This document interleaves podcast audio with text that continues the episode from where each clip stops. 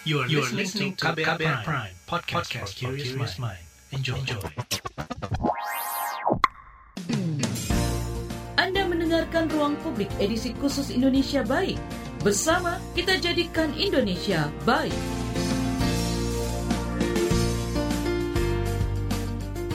Selamat pagi, kita berjumpa kembali dalam Ruang Publik Indonesia Baik KBR. Dan tema pagi hari ini, fasilitas jalan aman di Indonesia. Saudara, fasilitas jalanan di Indonesia disebut sebagai salah satu yang paling kacau di wilayah Asia Tenggara. Meskipun sudah mulai berbenah, namun keamanan pengguna jalan baik pemotor, pengemudi mobil, kendaraan umum hingga pejalan kaki masih rawan mengalami kecelakaan. Fasilitas yang diberikan oleh pemerintah saat ini masih belum memenuhi juga. Salah satunya standar keamanan berkendara dan fasilitas pejalan kaki seperti trotoar. Lantas bagaimana upaya mewujudkan keamanan di jalanan umum? Untuk membahasnya kami akan simak perbincangan Fitri Anggreni bersama Ketua Koalisi Pejalan Kaki Alfred Sitorus dan Ivan Firnanda selaku Ketua Umum Road Safety Association Indonesia. Pada kesempatan kali ini kita akan simak perbincangan Fitri Anggreni bersama Ivan Firnanda, selaku Ketua Umum Road Safety Association Indonesia. Uh, Mas Ivan, sebelum kita berbincang lebih jauh, kalau kita lihat di uh, situsnya Road uh, Safety Association, organisasi ini kan sebenarnya terbentuk sudah cukup lama dan diawali dari milis dulu ya Mas ya. Tapi boleh di uh, ceritakan kembali Mas secara singkat kepada para pendengar KBR uh, latar belakang dan tujuan dibentuknya Road Safety Association ini Mas. Jadi kami dulu memang uh, bermula dari komunitas-komunitas, komunitas-komunitas yang mungkin ya seperti komunitas sekarang mempunyai tujuan yang sama yaitu senang-senang sebenarnya. Tapi dulu awalnya di roda dua, uh, kemudian bergabung rame-rame, terus kumpul, lama lama-lama kita mengumpul ini kita mau berbagi informasi dengan cara uh, milis, dengan cara milis. Kemudian setelah milis tersebut uh, kita mau ini orang kan banyak sekali ya. Waktu itu ada 100 berapa klub waktu itu ya, banyak sekali. Uh, kemudian kita mau mengerucut nih, tapi kayaknya apa ya yang lebih lebih uh, masuk ya, bukan lebih masuk juga, tapi lebih lebih uh, apa ya common sense yang yang kita bisa bicarakan selain cuma hobi doang apa ya gitu. Akhirnya salah satu concern yang yang cukup uh, menggelitik kami waktu itu adalah tentang uh, keselamatan jalan. Karena waktu itu tahun sekitar 2007 2008 memang uh, angka kecelakaan itu lumayan tinggi. Bahkan uh, dari tahun-tahun uh, berikutnya pun akan uh, mungkin nanti ada data-datanya tapi itu uh, makin makin besar gitu. Jadi itu concern kami. Akhirnya kami memutuskan untuk bergerak uh, secara bukan hanya uh, kita milis aja, tapi kita mau keluar gitu.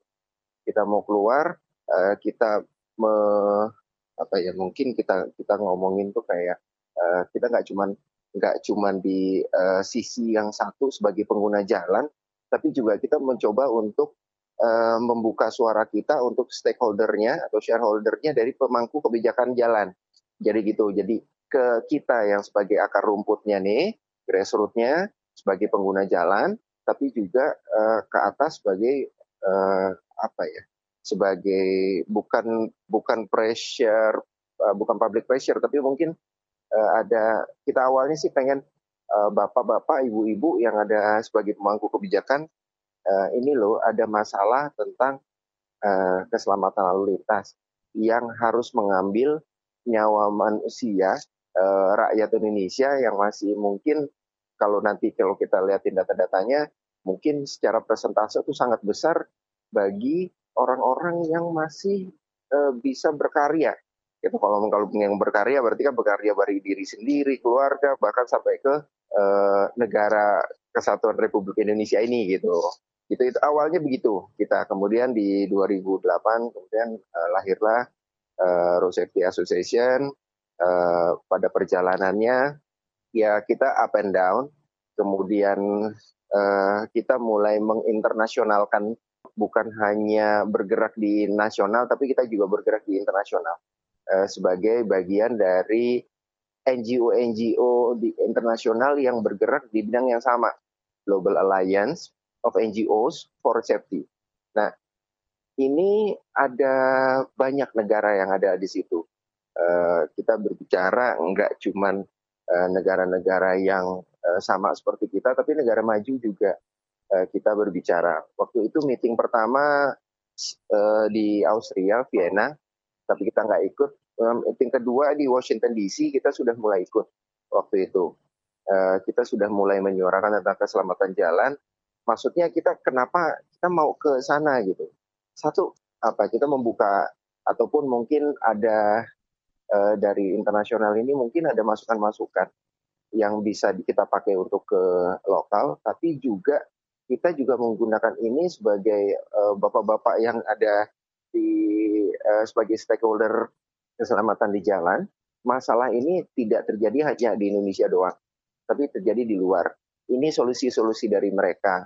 Jadi ada semacam informasi yang kita mencoba untuk dapatkan dan kita akan share ke uh, uh, lokal. Secara resmi berdiri dari 2008 sampai saat ini, apa saja sebenarnya persoalan yang menjadi fokus dari teman-teman yang dari 2008 atau dari sebelumnya sampai saat ini itu masih terjadi dan masih terus uh, butuh perbaikan, Mas?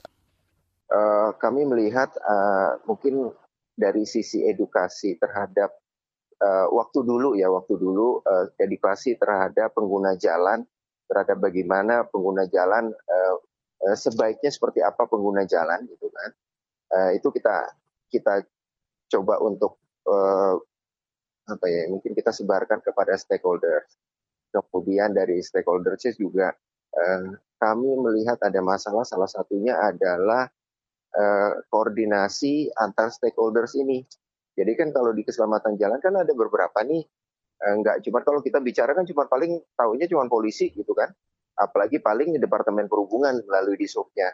Paling ke situ doang. Ternyata di situ juga ada uh, Kementerian Ristek, ada Kementerian Pendidikan dan Kebudayaan, itu ada Kementerian Kesehatan. Itu bahkan Kementerian Kesehatan kecelakaan itu masuk dalam uh, kematian akibat uh, penyakit yang non menular. Jadi uh, dan ini besar gitu. 2000 sebelum pandemi kita masih setelah pandemi terus terang angkanya ini ngalur ngidul dan tidak dibuka gitu. Tapi memang uh, secara angka memang uh, jauh menurun karena pengguna jalan pun juga jauh menurun. Sekitar 2018 seperti ya. Itu ada sekitar 80 masih 80 uh, manusia Indonesia yang harus kehilangan nyawanya uh, karena kecelakaan di jalan itu itu itu yang jadi concern kami yang yang dari awal pun menjadi concern kami bahwa ini manusia Indonesia harus kehilangan nyawanya dengan sia-sia gitu, eh, di jalan eh, karena kecelakaan jalan karena kecelakaan lalu lintas itu yang jadi jadi ininya kami gitu. jadi kalau pakai angka 2018 tersebut kita ngobrol ini dalam sejam eh, ternyata ada tiga orang dari manusia Indonesia yang harus eh, kehilangan nyawanya itu contohnya seperti itu. Jadi uh, itu concern kami. Tapi salah satu problem yang menjadi uh, saya ngelihat dan ini tidak tidak kunjung mungkin membaik, mungkin membaik, tapi uh, belum terlalu baik gitu. Kerjasama antar stakeholder ini antara kepolisian bikin uh, tentang road safety, gitu. terus Kementerian Perhubungan melalui dinas-dinas perhubungan di kota-kotanya bikin terus yang lain uh, mungkin Kementerian Pendidikan Kebudayaan bikin oh tentang oh ini anak SD anak sekolah tuh nggak boleh ini segala macam kalian harus begini-gini. Tapi sendiri nggak ada yang uh, benar-benar bareng-bareng uh, menciptakan satu ambi ambience gitu kali ya untuk satu keadaan yang uh, jalan yang lebih berkeselamatan. Memang sekarang sudah mulai, saya nggak bisa bilang bahwa tidak ada tidak ada lagi gitu tapi ada sudah ada uh, sudah ada uh, apa semacam kayak rencana undang-undang untuk keselamatan di jalannya yang yang antar stakeholder mau segala macam itu ada sudah mulai ada. Tapi so far untuk dailynya untuk mungkin dalam waktu dekat itu sedikit. Contohnya gini dia biar gampang. Kalau kita sebelum pandemi ya uh, kan tadi saya bilang 80 sehari ya. Terus pas lagi uh, ja, uh, waktunya mudik, either itu mungkin dari sebelum Lebaran, pas lagi bulan Ramadan ataupun mungkin hari raya lain, itu semua stakeholder itu kerjasama.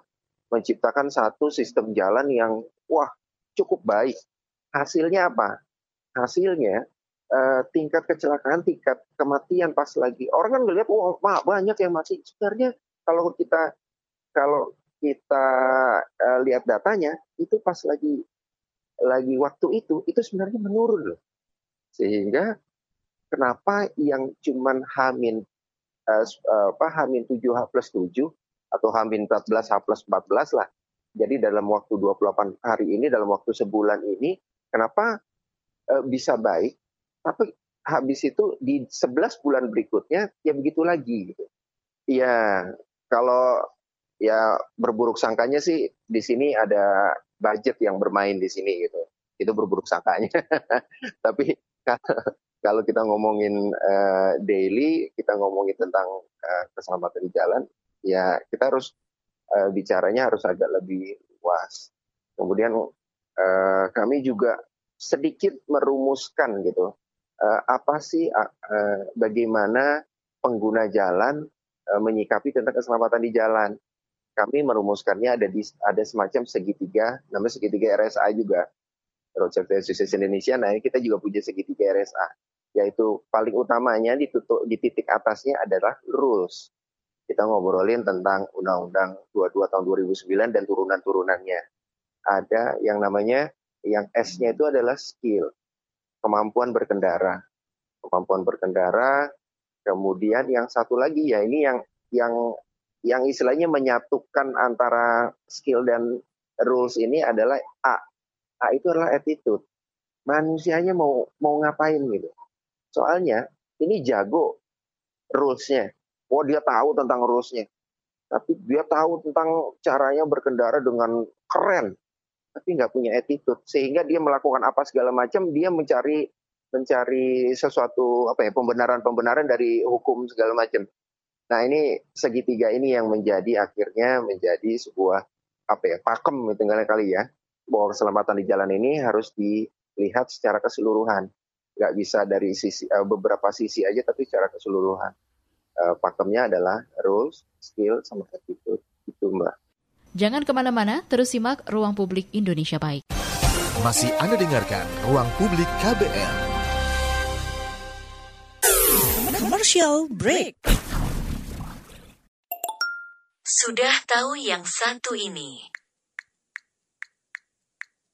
Sekarang kabar baru ada di playlist teman perjalananmu. Kamu masih bisa update dengar berita terbaru sambil dengerin lagu kesukaanmu. Semua bisa kamu dengerin di playlist Daily Drive Spotify.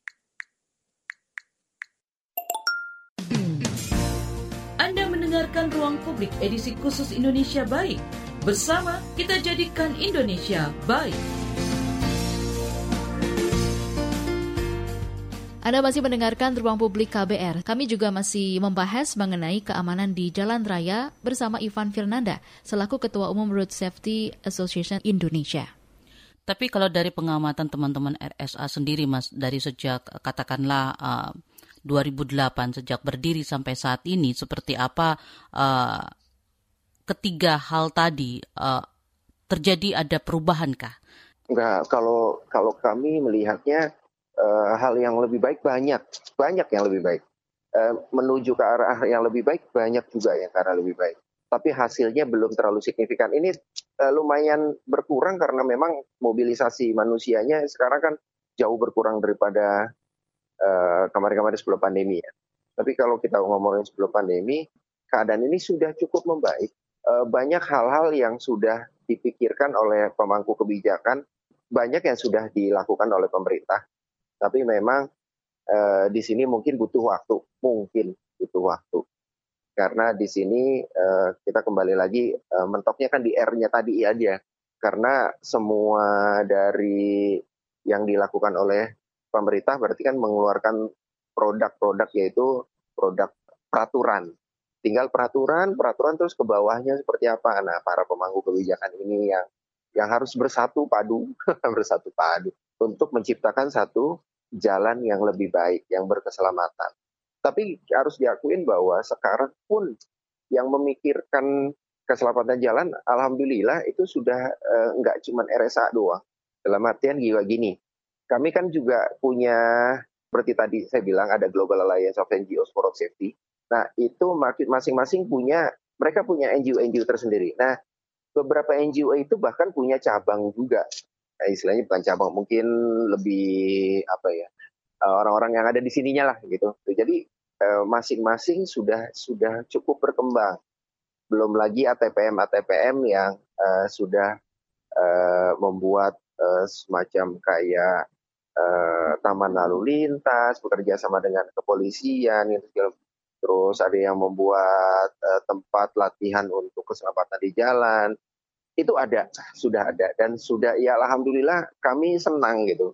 Senang melihatnya karena mungkin kalau hitungannya kami membanggakan diri sendiri kali ya.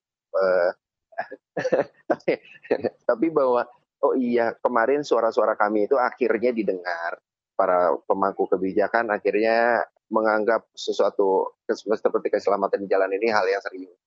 Tapi kemudian ke sini sininya sih cukup baik, cuma kadang-kadang kita tuh sering di distract hal-hal yang sebenarnya penting karena muncul kemudian dibahas sama orang karena hal-hal yang sebenarnya ya penting juga sih. Cuman kayak misalnya selebritas ada yang kecelakaan, wah rame-rame itu, rame-rame bicara tentang kecelakaan. Terus selebritas ada yang uh, mungkin melakukan kesalahan di jalan gitu, mungkin uh, mabuk di jalan atau atau dia nabrak orang gitu, wah rame-rame. Wah harus begini gini gini, wah harus begini gini gini. Habis itu, des, hilang lagi. Iya, pengennya sih sebenarnya salah satu yang pengen juga kita juga sebagai pengguna jalan, tapi uh, bukan hanya kita sebagai pengguna jalan, tapi yang lain, stakeholder yang lain, ya, tapi mungkin juga. Nah ini sih seneng gitu, sekarang KBR uh, eh, mempunyai uh, ada ada semacam kepikiran bahwa tentang ini tentang road safety gitu. Ya alhamdulillah saya seneng sih sebenarnya. uh, yang hal-hal yang seperti ini gitu loh, saya pengennya uh, di di media-media lain uh, bahkan media mainstream yang ada gitu uh, itu melakukan hal yang sama. So far yang sekarang paling yang agak aktif mungkin uh, blogger-blogger otomotif melakukan itu gitu. Tapi uh, secara sporadis kan akhirnya jadinya tidak uh, terorganisir dengan baik melalui melalui shareholder dari keselamatan di jalan. Saya cek di situsnya RSA ini ada kampanye 30 km per jam di daerah pemukiman dan juga uh, dorongan RSA untuk uh, aturan escorting ambulans, Mas. Ini boleh dijelaskan uh, seperti apa uh, kedua hal tersebut? Ya, uh, sebenarnya uh, kita bicara tentang uh, 30 ini, yang 30 km per jam ini, uh, itu sebenarnya ini gerakan dunia gerakan yang dilakukan ya maksudnya itu mendunia dan itu diinisiasi oleh WHO kemudian di uh, apa ya di endorse oleh yang tadi saya bilang Global Alliance of NGOs for Road Safety. Ini salah satu inisiasinya adalah dari WHO. Beberapa persen dari kecelakaan ini memang diakibatkan oleh kecepatan yang melebihi dari yang seharusnya, terutama di kalau kita kalau kita uh, ngejawantakan peraturan ini kan lebih ke uh, daerah pemukiman ya uh, yang 30 km per jam. Kita so far masih masih kita uh, gaungkan ini dan juga uh, dan beberapa kita juga, ini di sini di Indonesia uh, kita juga tidak tidak bekerja sendiri. Tadi makanya saya bilang uh, kita ada banyak teman-teman dari uh, LSM lain atau dari uh, komunitas lain yang membantu kami Eh, salah satunya uh, kami sering bekerja sama dengan uh, teman-teman dari Bike to Work sama Koalisi Pejalan Kaki. Uh, kita bareng-bareng karena ini salah satu kita ngurusin yang motorisnya istilahnya ya, yang bermotor, uh, teman-teman yang dari uh, pengguna jalan yang bermotor, yang teman-teman dari Bike to Work dengan uh, Koalisi Pejalan Kaki yang non motoris. Juga juga banyak dari komunitas-komunitas dari beberapa komunitas dari roda dua, roda empat sering mengundang kita untuk, Mas, gimana sih enak ini? Yuk kita ngobrol lah, yuk kita ngobrol. Gitu. Kita ngobrol tentang keselamatan jalan. Tapi karena pandemi ini uh, melambat karena kita nggak bisa ngumpul kan nggak bisa. yang satu lagi ya, yang yang baru nih istilahnya ya uh, tentang escorting ambulan. Kita ngobrolin tentang ini tidak hanya kita ngobrolin tentang uh, arogansi, tapi juga kita ngobrolin tentang peraturannya. Kalau dilihat memang ada arogansi dan segala macam ya itu sudah terlihat. Sem mungkin beberapa orang ya diokein gitu. Oh ya oke okay lah gitu orang. Yang seperti ini oh ya nggak apa-apa lah. Dia kan maksudnya membantu. Tapi kalau kami gini berpikirnya bahwa kalau nyapu pakailah sapu yang bersih. Kalau nyapu pakai sapu yang kotor jadi bukannya malah bersih malah jadi kotor contohnya adalah kalau misalnya exporting, oke, okay, lakukanlah dengan cara yang baik. Satu. Yang kedua, eh, punya keterampilan tentang hal tersebut. Yang ketiga yang kita ngomong kalau kita ngomongin tentang eh, segitiga RSA, rulesnya di pasal 59 Undang-Undang Nomor 22 2009 itu ada tentang penggunaan sirine strobo. Di situ salah satu yang orang-orang udah mulai eh, oh iya ngeh ya gitu bahwa oh ini nggak bisa ya pakai ini. Tapi beberapa beberapa beberapa gelintir orang juga ya nggak apa-apa juga sih. Kan dia biar ketahuan dia biar ini segala macam kalau saya bilang kalau cuman begitu doang pakai klakson juga cukup kok. Nggak usah pakai sirine strobo. Gitu kayak klakson eh, ada teknik teknik-teknik sendiri yang mungkin nanti uh, bisa dilatih oleh bapak-bapak dari kepolisian yang punya teknik-teknik yang cukup mumpuni kalau harus ada kalau harus ada tentang hal-hal tersebut uh, tersebut yang kayak uh, escorting escorting ini kalau harus ada.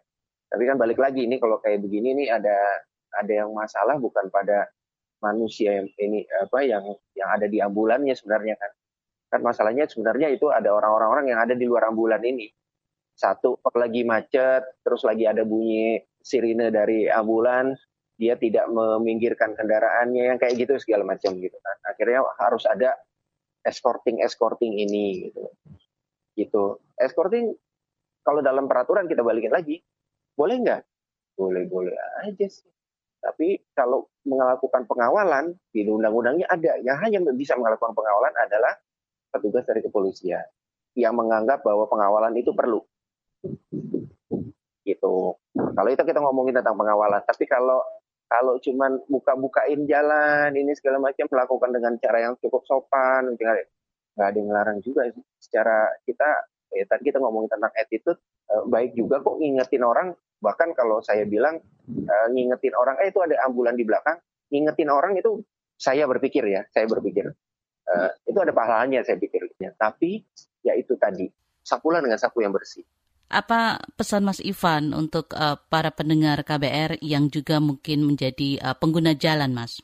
Mungkin diingat saja bahwa uh, satu adalah segitiga RSA, jadi kita harus tahu tentang apa aja hak kewajiban kita di jalan melalui peraturan-peraturannya. Yang kedua adalah asah kemampuan berkendara dengan baik sehingga uh, ya kita bisa melakukan hal-hal yang membawa uh, keadaan yang lebih baik untuk di jalan untuk uh, para pengguna jalan yang lebih baik ya. Yang ketiga yang yang tadi saya bilang uh, adalah attitude. Attitude berarti uh, hargailah seluruh pengguna jalan. Kita memakai jalan bersama-sama. Kalau bahasa bahasa Jawanya share the road gitu. Jadi ada bahwa ini loh uh, apa kita pengguna jalan kita hanya bagian kecil dari seluruh pengguna jalan yang ada bagian kecil dari sebuah sistematik uh, pengguna jalan. Yuk bareng-bareng kita berbagi jalan. Kalau kita punya, mindset berbagi jalan, uh, mudah-mudahan kita juga tidak melakukan hal-hal yang uh, merugikan orang lain dan mengerucut pada sebuah keadaan yang saya bilang tadi adalah jalan yang berkeselamatan. Kami ingatkan kembali kalau ruang publik KBR edisi hari ini adalah rekaman, jadi kami tidak bisa menerima pertanyaan dari pendengar. Jangan ke mana-mana. Anda mendengarkan ruang publik edisi khusus Indonesia Baik. Bersama kita jadikan Indonesia baik. Terima kasih untuk Anda yang masih setia mendengarkan Ruang Publik dari KBR edisi hari ini, yaitu dengan tema Fasilitas Jalan Aman di Indonesia. Untuk selanjutnya kami akan menyimak bagaimana keamanan para pejalan kaki berjalan di fasilitas umum di Indonesia bersama Ketua Koalisi Pejalan Kaki Alfred Sitorus. Masih bersama Fitri Anggreni. Bang Alfred Sitorus adalah salah satu pendiri dari Koalisi Pejalan Kaki. Mungkin sebelum kita berbincang lebih jauh, mungkin boleh dijelaskan atau diceritakan terlebih dahulu, Bang. Koalisi Pejalan Kaki ini uh, komunitas yang seperti apa dan concern di bidang apa, Bang? Ya, terima kasih uh, Fitri dan juga teman-teman uh, KBR. Jadi gini, kehadirannya Koalisi Pejalan Kaki itu sebenarnya agak sedikit menggelitik ketika di 2011 eh, yang lalu hadir di tengah-tengah masyarakat. Sebenarnya itu bukan tanpa dasar sih sebenarnya. Jadi setelah teman-teman uh, saya ada tujuh orang uh, pendiri koalisi pejalan kaki ya, yang di mana latar belakangnya itu kan sebenarnya rata-rata pengguna angkutan umum, baik berbasis uh, jalan raya ataupun rel ya, uh, ataupun angkot dan yang lain-lain. Tapi di mana pada saat momentumnya kami-kami ini uh, first mile last mile-nya kan pasti berjalan kaki nih gitu ya. Yang pertama nasibnya sama yaitu ya kok saya berjalan kaki itu kok rasanya nyawa saya itu udah di atas leher gitu ya. Karena ter selalu terancam kan gitu. Jadi uh, trotoarnya diokupasi oleh para pengendara, dilalui pengendara, dijadikan parkir, dijadikan full uh, tempat berdagang, uh, bahkan trotoarnya tidak berwujud. Jadi uh, empat hal ini yang sebenarnya yang bikin kami resah tujuh orang ini yang di mana uh, ujung-ujungnya kita uh, bersepakat bahwa ayo kita bikinlah komunitas yang memang teman-teman uh, sebagian pendirinya koalisi pejalan kaki ini sebenarnya pendirinya Car Free Day dulu lah gitu. Jadi jadi oke uh, oke okay, okay, karena Car Free Day virusnya udah ke mana-mana gitu ya virus kebaikannya gitu ya uh, udah menjalar ke mana-mana virusnya Car Free Day ini ya kita coba membuat satu komunitas yang memang selama ini publik uh, yang mempunyai unek-unek ngomongin kakinya ini mau berjalan ke mana ini nggak ada wadahnya gitu. akhirnya ditelorkanlah si koalisi berjalan kaki ini nah uh, siapa pun apa uh, tergabung di koalisi berjalan kaki di apa di ke, harusnya kemarin ya di di bulan apa uh, Agustus kemarin ya uh, di pertengahan Juli tanggal 25 itu adalah didirikannya koalisi pejalan kaki. Gitu. Sudah 10 tahun berjalan dan sudah banyak di banyak kota lahir koalisi pejalan kaki, chapter-chapter kota lah gitu. Udah kurang lebih ada ada dua belasan kota kabupaten yang sudah hadir. Nah, jadi sebenarnya melatar belakangi itu dan keresahannya kami ya dan itu hampir semua dirasakan oleh teman-teman pengguna angkutan umum pada pada umumnya ya. Uh, jadi ketika menggunakan kereta, menggunakan bis, menggunakan angkot gitu ya, yang di mana first mile last mile-nya itu menggunakan jalan kaki, ya nasibnya hampir mirip sama gitu. Jadi di situ. Bahkan kan uh, terkait dengan apa jambret, uh, perampokan bahkan sampai kepelecehan seksual itu itu menjadi satu concern yang memang ada di dalam apa pembahasannya koalisi pejalan kaki karena uh, banyak juga teman-teman di koalisi pejalan kaki yang mendapat report gitu ya laporan-laporan ke kami by media sosialnya kami gitu ya. Semenjak berdirinya koalisi pejalan kaki ya ya terutama teman-teman pejalan kaki perempuan ya di malam hari dan yang lain-lain. Bahkan banyak juga berita yang tersiar ketika seorang perempuan berjalan dirampok dijamret uh, mendapat perlakuan pelecehan seksual gitu ya dan yang lain-lain. Jadi hal-hal itu yang sebenarnya uh, kami berharap di hadirnya koalisi pejalan kaki ini bisa memberikan satu input atau masukan yang yang positif ya, baik itu kritikannya keras, soft ataupun apa pun kepada pemerintah bahkan uh, mengedukasi para uh, para pejalan kaki, para pengendara, para pesepeda ya, para pengguna kendaraan lainnya. Itu sebenarnya hadirnya koalisi pejalan kaki. Iya, tadi Anda menyebutkan ada uh, empat hal yang menjadi latar belakang mengapa sampai koalisi pejalan kaki ini terbentuk ya Bang ya. Nah, sudah 10 tahun dari keempat concern ini apakah sudah ada yang mulai membaik kondisinya atau malah bertambah persoalan-persoalan yang dihadapi uh, para pejalan kaki dan juga para pengguna fasilitas umum ini di Indonesia, Bang? Iya, selama perjalanan satu dekadenya koalisi pejalan kaki sebenarnya uh, sempat ada di beberapa tahun itu hampir semua kota serentak melakukan hal yang sama ketika ada kejadian-kejadian yang memang cukup masif, cukup viral ya, cukup viral di di tengah-tengah masyarakat terkait dengan keberadaannya koalisi pejalan kaki. Bahkan sampai ada satu gubernur yang mengeluarkan kebijakan ya.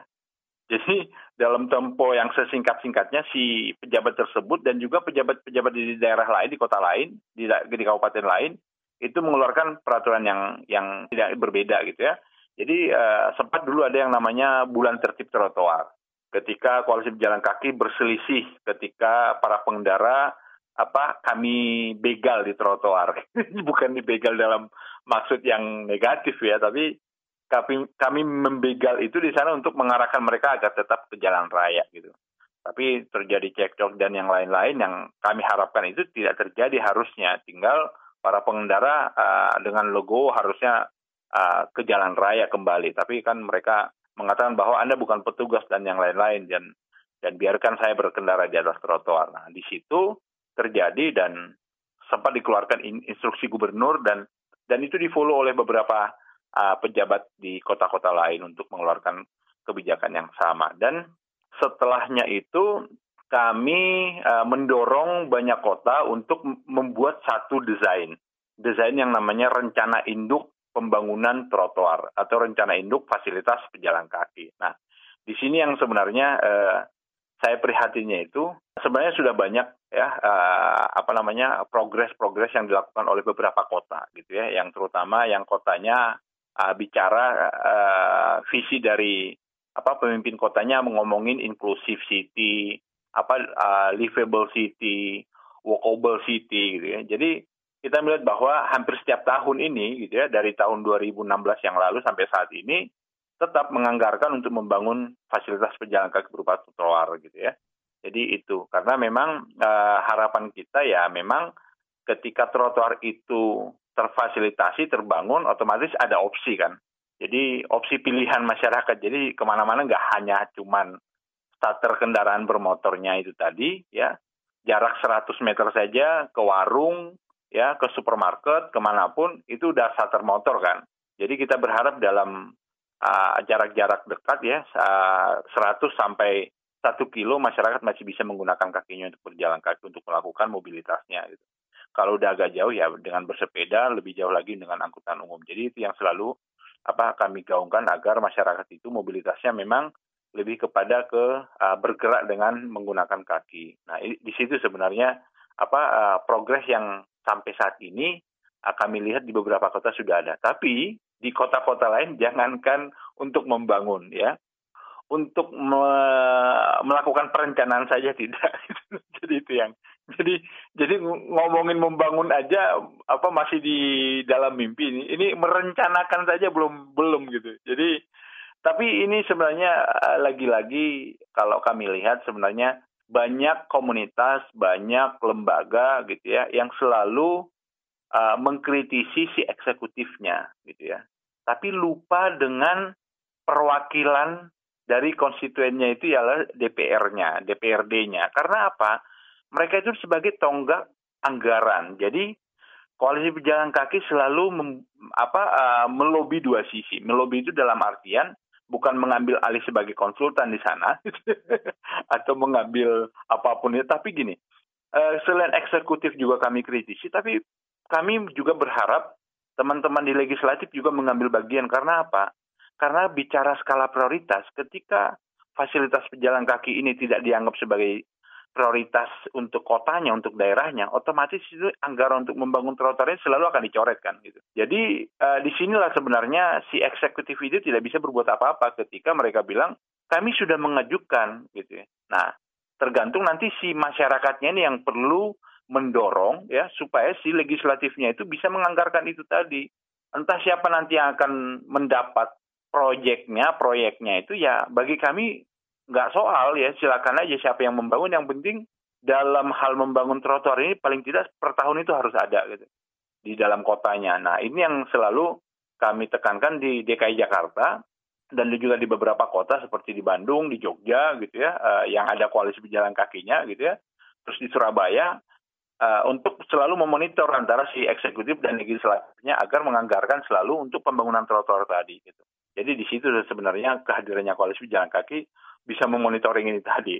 Bahkan setelah dikerjakan sekalipun oleh si eksekutifnya, koalisi jalan kaki punya satu kegiatan lagi tuh.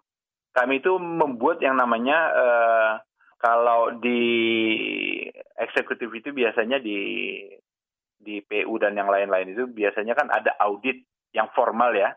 Kalau kami itu nggak audit sosial gitu. Jadi ada aturan di Permen PU itu terkait dengan sarana prasarana fasilitas pejalan kaki di perkotaan. Lampirannya itu kan udah detail tuh. Jadi itu yang kami follow. Oh ternyata bangunnya ini si kontraktornya salah nih, kita coret. Ini fail nih, dibongkar lagi. Jadi teman-teman disabilitas juga kami libatkan. Oh ini yang bangun ramnya ini nggak bener nih apa ke bidang miringnya masih kurang, masih fail, minta tolong ke Bina Marga atau CPU-nya dibongkar lagi agar lebih landai. Karena apa? Ketika dibangun nggak bisa akses buat teman-teman disabilitas juga kan sama aja bohong dibangun kan sebenarnya gitu.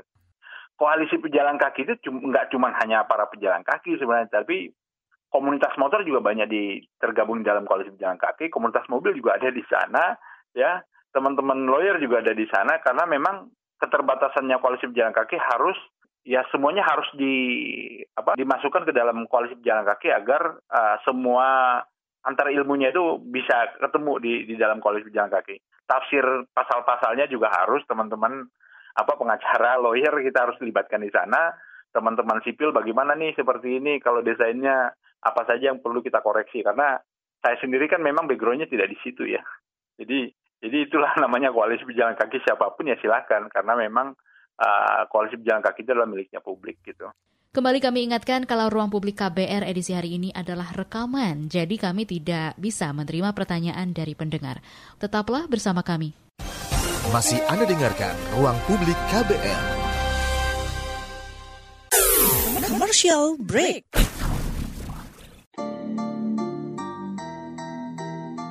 Come on yo, buat yang sukanya berhoax, you better listen to this one.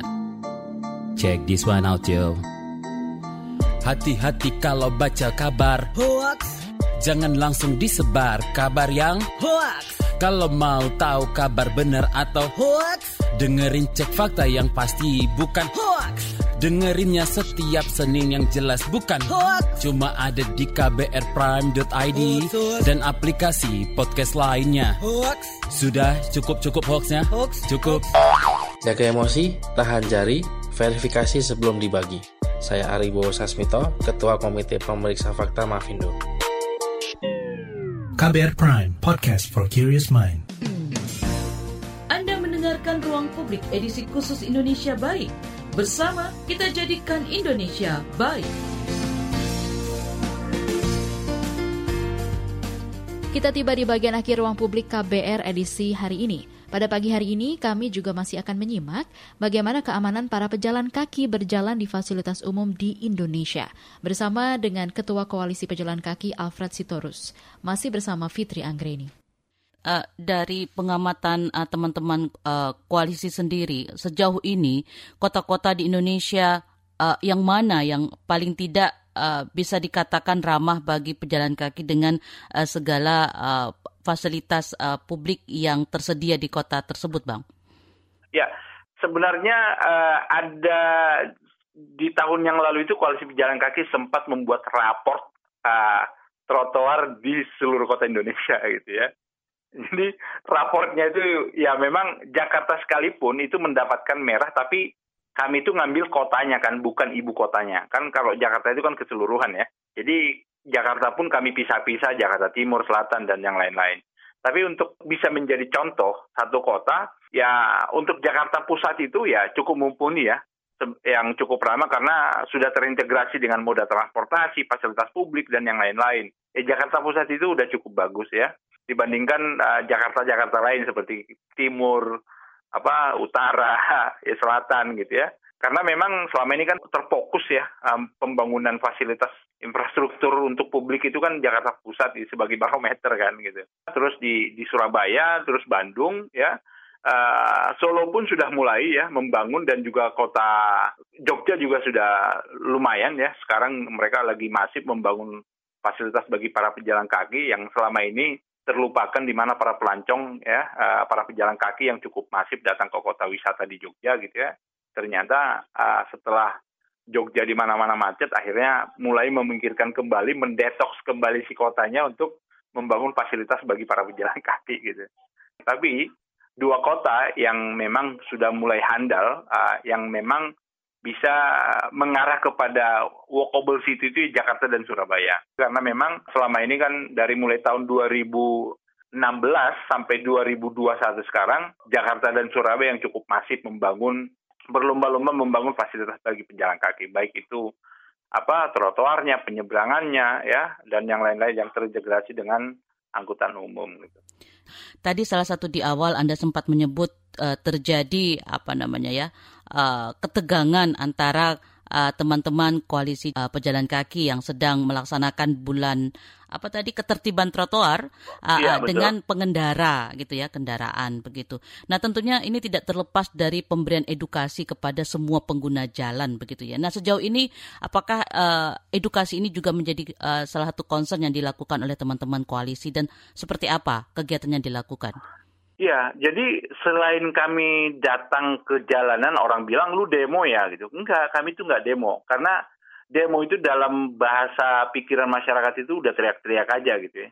Jadi selalu kalau kami datang ke jalanan tiap hari Jumat sore, jadi kami Jumatan sore di di setiap trotoar di sudut-sudut jalan Jakarta ataupun di Jabodetabek, itu kami selalu, selalu nyebutnya itu tamasya trotoar kita gitu. Karena apa? Kalau bilangnya, oh kita mau demo, kita mau aksi, orang udah males gitu.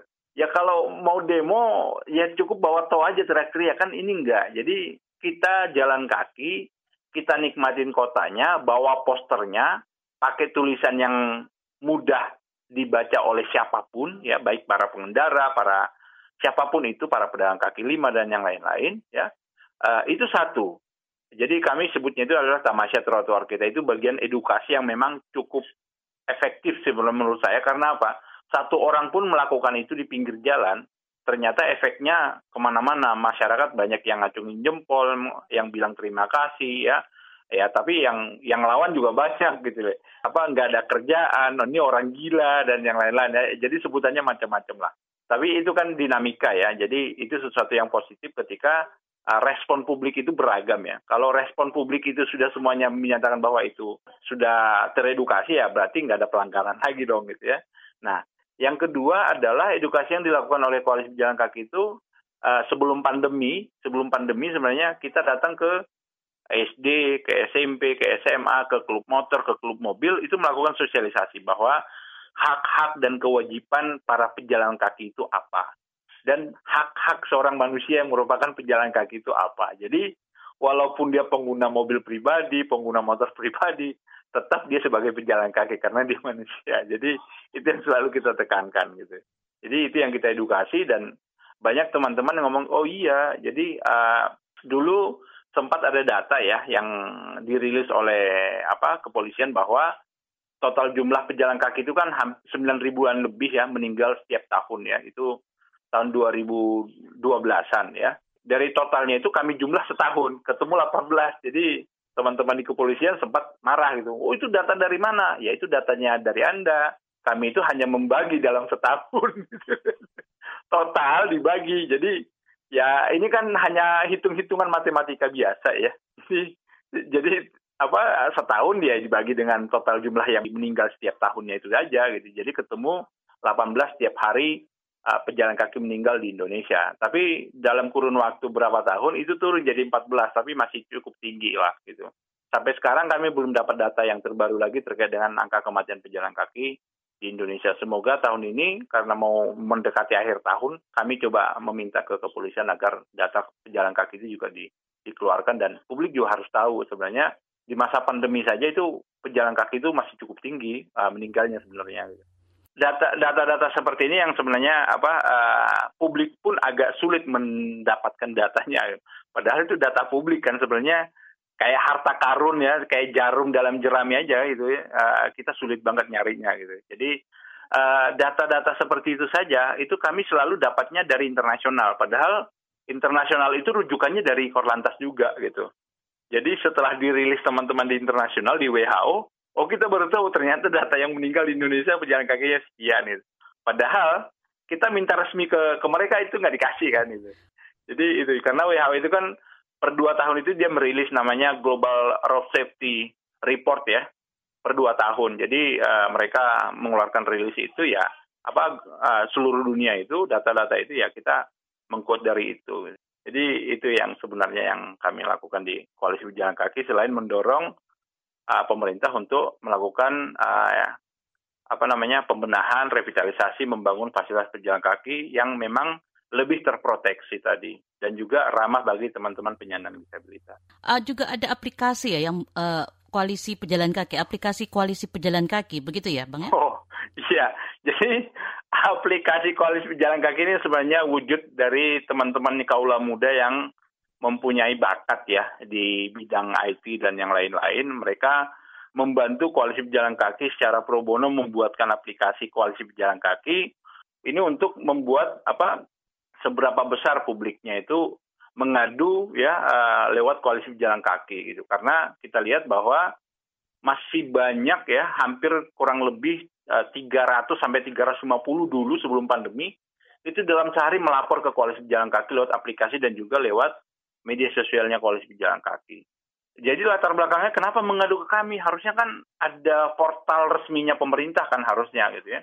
Yang kita bilang bahwa ngadu, mengadu saja ke portal pemerintah yang resmi baru nanti ke kami karena kami juga bisa ngepush juga lewat koalisi pejalan kaki. Ternyata oh kita udah ngelapor sampai sebulan, dua bulan juga tidak ada tanggapan. Ya sudah, akhirnya terbentuklah aplikasi koalisi pejalan kaki yang memang uh, bagian dari uh, apa namanya untuk mendorong setiap laporan masyarakat itu agar bisa ditanggapi dan juga direspon oleh pemerintah. Jadi itu sebenarnya harusnya kalau respon dari pemerintah itu sudah cepat, sudah bisa ditanggapi dengan baik, harusnya uh, aplikasi ini seharusnya nggak ada.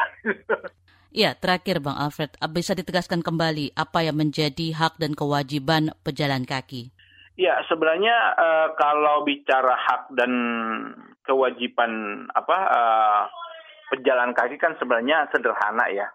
Jadi kalau di dalam undang-undang apa uh, nomor 22 tahun 2009 tentang lalu lintas dan angkutan jalan kan sebenarnya sudah diatur ya hak dan kewajiban apa uh, pejalan kaki. Jadi ya pejalan kaki sebenarnya berhak atas ketersediaan fasilitas minimal nih ya, minimal. Ini paling minimal sekali yang diatur di undang-undang itu adalah berhak atas ketersediaan fasilitas pendukung berupa trotoar, uh, tempat penyeberangan dan fasilitas lainnya gitu ya. Dan juga yang berikutnya adalah pejalan kaki berhak mendapatkan prioritas gitu. Prioritas. Nah, ini yang selalu prioritas sekarang kan setiap perkotaan itu sudah mobilitasnya adalah kendaraan. Jadi seakan-akan uh, sudah dibalik manusianya tidak lagi menjadi prioritas gitu ya pada saat bermobilitas. Jadi pejalan kaki berhak mendapatkan prioritas saat menyeberang di jalan di tempat penyeberangan gitu. Jadi ini yang sebenarnya sudah mulai apa lupa di tengah-tengah masyarakat. Jadi hak yang seminimal itu yang harusnya selalu dipegang teguh oleh masyarakat pada saat berlalu lintas di jalan raya gitu ya. Dan jadi ketersediaan fasilitas itu merupakan hak mutlak ya. Jadi berkendara itu itu hak saya berkendara bukan berkendara itu kan privilege sendiri gitu ya jadi bukan hak karena hak itu tidak melekat gitu ya. yang melekat itu kan kaki itu melekat di badan. Itu bagian dari hak sendiri. Jadi uh, sebenarnya kita sudah mulai melupakan hak itu tadi. Jadi uh, tapi pejalan kaki juga mempunyai kewajiban ya. Uh, kewajiban uh, berjalan di jalan yang sudah difasilitasi seperti trotoar ya. Jangan menyeberang sembarangan ya. Jadi dengan tertib itulah, dengan disiplinnya para pejalan kaki menyeberang dengan tertib, berjalan di trotoar dengan tertib, itu menjadi proteksinya pejalan kaki sebagai pelindungnya pejalan kaki. Berbeda dengan para pengendara yang punya seat belt, punya helm, dan yang lain-lain. Jadi kalau pejalan kaki nggak punya perlindungan selain dia tertib. Nah di situlah sebenarnya hak dan kewajibannya para pejalan kaki itu minimal di situ. Selain hak teknis yang memang uh, sudah diatur di Kementerian PU terkait dengan bidang miring, ya trotoarnya lebarnya harus uh, minimal satu setengah meter dan yang lain-lain. Demikian ruang publik KBR edisi kali ini dengan tema fasilitas jalan aman di Indonesia.